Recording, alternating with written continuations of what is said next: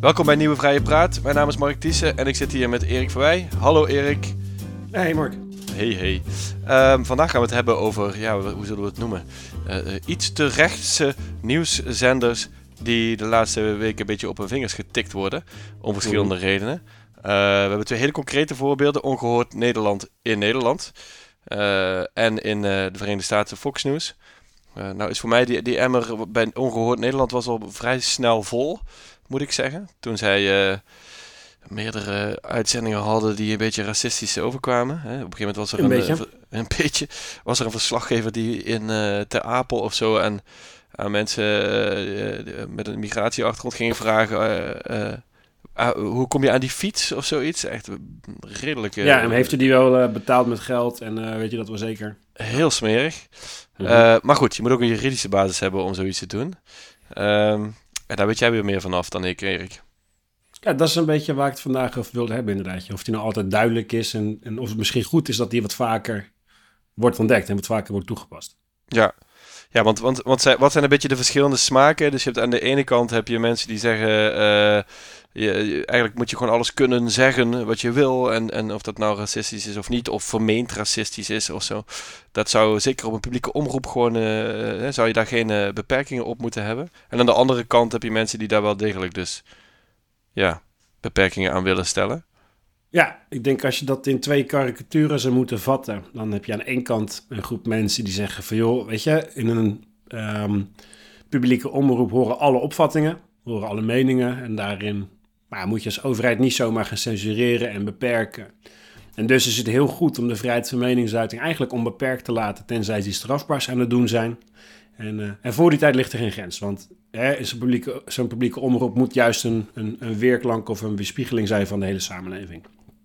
Ja. Dat is de ene kant. En aan de andere kant heb je denk ik een karikatuur van een groep mensen die zegt van nee, weet je wat? Um, die omroep vertelt dingen die niet waar zijn. Die vertellen ook dingen die niet waar zijn met de bedoeling om mensen in de war te brengen of om daar misbruik van te maken of om mensen boos of bang of ongerust te maken. En als je dat doet, ben je eigenlijk desinformatie aan het verspreiden, omdat ze dus die verkeerde bedoeling erbij zouden hebben. Ja. En dat moet je niet willen, dat moet je verbieden, dat moet je niet hebben in de publieke omroep. Met belastinggeld moet je dat niet bekostigen, dus moeten ze dat maar ergens anders gaan doen. Ja. Um, Wat is er nou bij, bij, bij, Ongehoord Nederland aan de hand uh, dan? Hè? Dus ja, dat is goed om even bij te beginnen. Hè? Ze zijn al een tijdje uh, bezig. Ja, ja, die zijn nu een, uh, iets meer dan een, een, jaar, geloof ik, hebben ze nu zo'n voorlopige omroepvergunning. En dat krijg je dus op basis van de mediawet, krijg je een, voorlopige vergunning. En dan mag je uitzenden. Dan krijg je daar wat belastinggeld voor. Dan mag je televisie- en radio-uitzendingen maken. En Ongehoord Nieuws is een beetje de belangrijkste programma wat ze hebben. Er zit die, um, die Eva en die Raissa komen er wel eens in terug als, als verslaggevers. En wat ze eigenlijk doen is om op hun manier het nieuws onder de aandacht brengen. Wat ze niet terugzien in het NOS-journaal. Dat gaat er niet alleen over de onderwerpen, dus het gaat wel heel vaak over migratie of stikstof of klimaat. Uh, maar ook over de, de, de manier waarop ze dat brengen. Dus migratie is eigenlijk vooral omvolking om de oorspronkelijke Nederlandse bevolking te vervangen. Ja. Uh, klimaat is een, is een hoax, want CO2 is goed voor planten en dus is er niks aan de hand. En voor stikstof gaat het een beetje hetzelfde. Het is een administratief probleem, voor de rest niks anders. Stikstof is nooit schadelijk voor de natuur. Um, je noemde net even die, die meer opinieachtige programma's, waarin ze inderdaad wat meer echt racistische grappen aan het maken zijn. Uh, waarvan ze zelf zeggen dat het een beetje satire is. Maar de ombudsman voor de publieke omroep heeft al een paar keer onderzoek naar ze gedaan. Die heeft al een paar keer gekeken of zij zich wel houden aan ja, wat ze dan kernwaarden voor journalistiek noemen. Dus zijn ze wel onafhankelijk, objectief, neutraal, of laten ze in ieder geval twee kanten van het verhaal zien. Ja. Is er een beetje tegenspraak als het gaat om, om opiniebijdragen, zo gezegd. En het is nu voor de derde keer dat het bestuur van de publieke omroep eigenlijk een boete heeft opgelegd, omdat ze zich niet zouden houden aan die afspraken. Want op grond van die uh, afspraken die publieke omroepen maken met de NPO, um, zet je je handtekening onder die code voor journalistiek. Dus waarin de kernwaarden echt zijn vastgelegd. Maar het is ook nog een keer zo dat je in onderling overleg um, met de andere omroepen um, soms werkafspraken moet maken. Of dat je, uh, je elkaar kan aanspreken eigenlijk op die manier waarop je die kernwaarden naleeft. Dat bestuur van die publieke omroep heeft dus nu gezegd van, nou weet je, het is nu voor de derde keer dat, uh, Um, dat ze zich zo op een, een hufterige manier, uh, op een eenzijdige manier over onderwerpen hebben uitgelaten, of op een ongenuanceerde manier. Ehm, hier valt niet mee te werken, dus niet alleen moet er nu een boete worden opgelegd, maar staatssecretaris, je moet ook die vergunning intrekken. Die tussentijdse vergunning zou je moeten afpakken. En eigenlijk En- zeggen zij ook, wij willen jullie dus niet als collega's. Dat is Ja, feite... er valt niet met jullie samen te werken, dus, ehm, dus moet jullie voorlopige vergunning worden ingetrokken. Hoe zit dat dan En- juridisch? Hè? Want veel van die dingen die je noemt zijn natuurlijk zeer eh, vatbaar voor interpretatie. Hè? Dat is een hele lastige, want inderdaad... Ben je objectief? Eh, laat je het beide kanten zien? Het is vrij... Ja, dat kan je Dat is het ook. meerdere manieren invullen.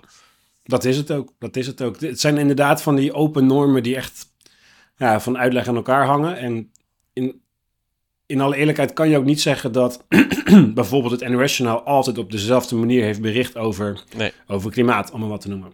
Dat was 10, 20 jaar geleden ook heel anders dan nu. Dus waren ze dan op dat moment niet objectief? Of zijn ze nu niet objectief? Of is de wetenschap ietsje opgeschoven? En voor corona gaat een beetje hetzelfde. Ehm, het is niet heel lang geleden dat, dat normale media nog zeiden dat ehm, dat vaccin heel goed zou beschermen tegen overdracht van het virus. Terwijl achteraf bleek dat dat misschien Ja. ehm, toch ook niet helemaal waterdicht was. Dus het is altijd lastig om, om in te schatten wanneer iemand nou on, eh, onevenwichtig of ongenuanceerd bericht.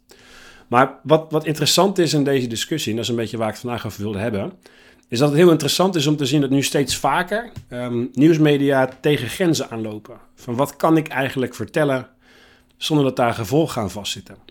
Want ik heb nu even eh, het gehad over wat Ongehoord Nederland of Omroep Nederland nu heeft ehm, meegemaakt. Maar bijna op hetzelfde moment was in Amerika dat gezeik met Fox News en die eh, stemmachinefabrikant Dominion. Die hebben uiteindelijk een schikking moeten treffen voor bijna 800 miljoen dollar. Echt een ongekend bedrag. En die hebben daardoor eigenlijk eh, de keus gemaakt om ook hun voornaamste omroeper, Tucker Carlson, om die te ontslaan. Heel mooi. Het was, ja, ja, dat is echt een, een, een hele nare, nare vent. Waarvan je Over- je af kan Overwinning voor de dat vrijheid.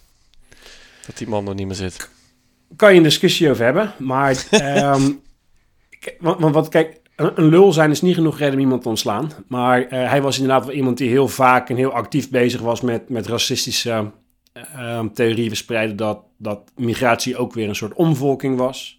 Ja. En dat Amerika maar smerig en arm zou worden door al die bruine mensen die werden geïmporteerd. Dus dat was echt een soort ehm, rode draad in zijn, eh, zijn bangmakerij. Nu ga ik niet verdedigen dat er ehm, veel vaker grenzen moeten worden gesteld aan de vrijheid van meningsuiting. Ik denk dat het heel belangrijk is om, om ruimte te laten voor verschillende opvattingen. En als je te makkelijk, of als overheid of als groot bedrijf, zegt dat mensen bepaalde opvattingen niet mogen delen, want dat is niet netjes, of dat is niet chic, of dat is niet, ehm, niet genuanceerd, zo gezegd. Ja, is het niet ook een recht om ongenuanceerd te zijn? Dat is niet wat ik zeg, maar wat ik wel goed vind, is dat we nu steeds vaker zien dat er wel grenzen zijn. Ja. En als we het hebben over eh, Fox News en Tucker Carlson, dan ging dat niet alleen over bijvoorbeeld omvolking, maar dat ging dat ook over heel bewust leugens vertellen over de verkiezingen van 2020, toen eh, Trump net aan verloren had. Die hebben toen heel actief hebben die berichten verspreid over stemmachines die Ja. doorgestoken zouden zijn en die maar geprogrammeerd zouden zijn ehm, om Trump te laten verliezen. En dat is eigenlijk geen bewijs voor. En sterker nog, op een gegeven moment kwamen ze erachter door een ehm, onderzoek naar correspondentie en communicatie tussen Fox News-lezers, dat ze er zelf helemaal niet in geloofden. En dat is weer interessant. Dus die nieuwslezers van Fox News, die zo vaak s'avonds op televisie vertelden dat de verkiezingen gestolen waren en dat die eh, stembiljetten onder tafel verstopt waren en dat er eh, Hugo Chavez invloed heeft gehad op die, die stemmachines, dat het allemaal gefraudeerd zou zijn. Na elkaar waren ze ondertussen aan het appen dat ze dat zelf helemaal niet geloofden. Dat Ja. Donald Trump echt moest stoppen met die onzin, want nu moesten ze er weer over berichten. Het, is- het is gewoon Ehm, het spelen van de massa hè, voor geldelijk eh, gewin. En dan het, het- onder het mom van de journalistiek. Maar dat, is, ja, dat laatste is het natuurlijk niet. Nee, de zeker. totale vercommercialisering van eh, een nieuwsprogramma. Zeker. En wat, wat, wat dus het goede nieuws is in, in ehm, zowel dat verhaal van Fox News als in Omgehoord Nederland, is dat je langzaam begint te zien dat, dat er dus wel echt grenzen zijn hoe ver je kan gaan. En dat is denk ik begonnen met ehm, Alex Jones. Dat is die gast die Ja, ehm, over een schietpartij op een Amerikaanse basisschool had gezegd dat het acteurs waren en dat het allemaal niet waar gebeurd is. En eh, die heeft vervolgens ook inderdaad bijna een miljard aan schadevergoeding moeten betalen aan die ouders. Omdat die inderdaad de namen van die kinderen door het slijks hebben gehad. Maar waarom ik hier voorzichtig uh, blij mee ben, is het feit dat, dat je in een gezonde democratie kan je best wel verschillende opvattingen hebben. Hè? Dat is geen probleem. Sterker nog, het is heel belangrijk dat mensen verschillende opvattingen en ideeën mogen hebben over hoe een bepaald probleem moet worden opgelost en, en waar schaarse middelen aan moeten worden um, uitgegeven, zo gezegd. Dus dat is allemaal hartstikke goed. Het is alleen heel ongezond voor democratie als je een groepen mensen hebt die um, tegen beter weten in of te kwader trouw um, aan het liegen zijn. Omdat ze weten dat mensen daar boos of bang of teleurgesteld of jaloers van worden. maar er wel sterke gevoelens over hebben. Ik heb wel een keer een, stukje van jou gelezen, Mark, wat ging over uh, gezond verstand. En hoe makkelijk het eigenlijk is om, om mensen voor de gek te houden, omdat wij als mensen nu eenmaal um, heel vatbaar zijn voor um, de angst om dingen kwijt te raken, om maar wat te noemen. Als je als nieuwsmedium ervoor kiest om daarop in te spelen, dus om mensen heel erg bang te maken voor iemand met een ander kleurtje, die van buiten komt, die dingen van je komt afpakken. Um, en je weet als nieuwsmedium dat je daar makkelijk op in kan spelen, door dat even wat extra te overdrijven, door er op een eenzijdige manier over te berichten door dingen aan te dikken of gewoon echt door dingen te verzinnen, dan kan dat best links zijn. Want mensen gaan daar ook vervolgens weer hun stem op baseren. Die gaan op basis daarvoor stemmen voor maatregelen die dat met de uh, vuist moeten indrukken. Um, omdat er een grote karavaan van vluchtelingen um, bijvoorbeeld naar Amerika zou komen. Ja. En mensen baseren daar ook hun stem op. Het is echt um, vergif, hè? Dat is wat ze aan het doen zijn. Een vergif in de samenleving aan het pompen. En daar geld aan verdienen. Dat, dat is het ook. En vroeger had je nog denk ik iets meer dan dat je nu hebt. Um, een soort filter bij grote nieuwsmedia. Dus dat grote nieuwsmedia pas iets berichten als ze wat hadden gecontroleerd, als ze wisten dat het waar was, als ze misschien wederhoor hadden toegepast. Uh, maar we leven nu in een tijd waarin het allemaal ietsje sneller moet, ietsje gejaagder moet. En je bent vooral als nieuwsmedium succesvol als jij de eerste bent die over bericht. En of het dan altijd helemaal loopzuiver is, dan is dan minder van belang. Of nog belangrijker, er is veel meer concurrentie. Dus als jij weet dat uh, kijkers wegrennen van jou. Omdat jij te saai, te gezapig of te genuanceerd bericht over een probleem waar mensen eigenlijk het juist wel ja, lekker vinden om boos of kwaad of ongerust over te worden. Dan raak je kiezers kwijt. En bij Fox News was het heel duidelijk. Ze hebben als eerste vervolgens na de verkiezingen toen van één staat, Arizona was het geloof ik.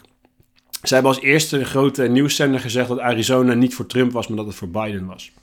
En je ziet in die correspondentie tussen die nieuwslezers dat ze daar verschrikkelijk kwaad om waren. Waarom doet onze nieuwszender dat? Weet je niet hoe schadelijk dit is voor ons merk? Onze kiezers zijn goede mensen en die balen hiervan. Dus dat was zo overduidelijk dat die niet meer berichten op basis van wat ze dachten wat juist was, of wat, wat waarheid was, of wat hun tegen was. Maar dat ze veel meer ernaar neigden om, om te berichten wat mensen graag wilden horen. Mhm. En dat is op zich niet erg als het op waarheid gestoeld is. Maar je ziet nu langzaam, en dat is best denk ik het goede nieuws um, en een beetje de conclusie van, van mijn betoog van vandaag, um, is dat je dus eindelijk ziet dat er wel degelijk grenzen aan zitten. Dat er wel degelijk grenzen zitten aan wat je als nieuwsmedium kan vertellen en mag vertellen, zonder dat daar gevolgen aan vastzitten. Um, dat er soms een rechter aan te pas moet komen uh, om dat ook daadwerkelijk te handhaven. Maar dat er soms ook altijd commerciële overwegingen kan komen. Bijvoorbeeld die Tucker Carlson, die is niet ontslagen omdat het moest van de nee, maar omdat hij zo'n miljard gekost heeft aan boetes. ja, precies. Gewoon puur het commerciële overwegingen. Van, hey, dit, dit, dit, kost ons gewoon geld. En ja, dat moeten we dan toch ja, lossnijden, want we zijn uiteindelijk een op winst gedreven onderneming, dat Fox News. Net zoals andere nieuwsmedia dat ook zijn. En uh, dit kost ons gewoon te veel geld, dus hier moeten we afscheid van nemen. Hoe, um, dus hoe zit het dan mij... met ongehoord Nederland dan? Want, want uh, houdt dat stand juridisch, denk je? Nou, Lijkt mij heel moeilijk. De, staatssecretaris, de staatssecretaris die heeft best wel wat vrijheid om te beoordelen um, of zij nu wel of niet um, de voorlopige gunning mag intrekken. Ook dat zijn weer best een beetje vage open normen. Um, van, van kunnen zij zich wel of niet houden aan afspraken? Is het wel of niet een betrouwbare samenwerkingspartner? Um, dat, dat gaat altijd een beetje rommelig en, en, en, en messy worden. Juist omdat er nu nog zo weinig voorbeelden zijn waarop zij terug kan vallen. Bij mijn weten zou dat ook de allereerste keer zijn um, dat van een nieuwsmedium de omroepvergunning wordt ingetrokken vanwege mm. inhoudelijke gronden. Mm. En het is dus, ongeacht wat zij gaat doen, is het heel belangrijk dat ze dat hyper zorgvuldig gaat formuleren. Want je hebt nu uh, een aantal onderzoeken gehad van de ombudsman over Ongehoord Nederland, Omroep Nederland. Um, maar die zijn best wel algemeen. Die gaan echt over... In algemeenheid hebben we heel veel klachten gehad. Heel veel klachten hebben kan, kan heel veel oorzaken hebben. Als je op Twitter een beetje een mooie storm weet op te rakelen... Dan weten mensen de ombudsman wel te vinden om een klacht in te dienen.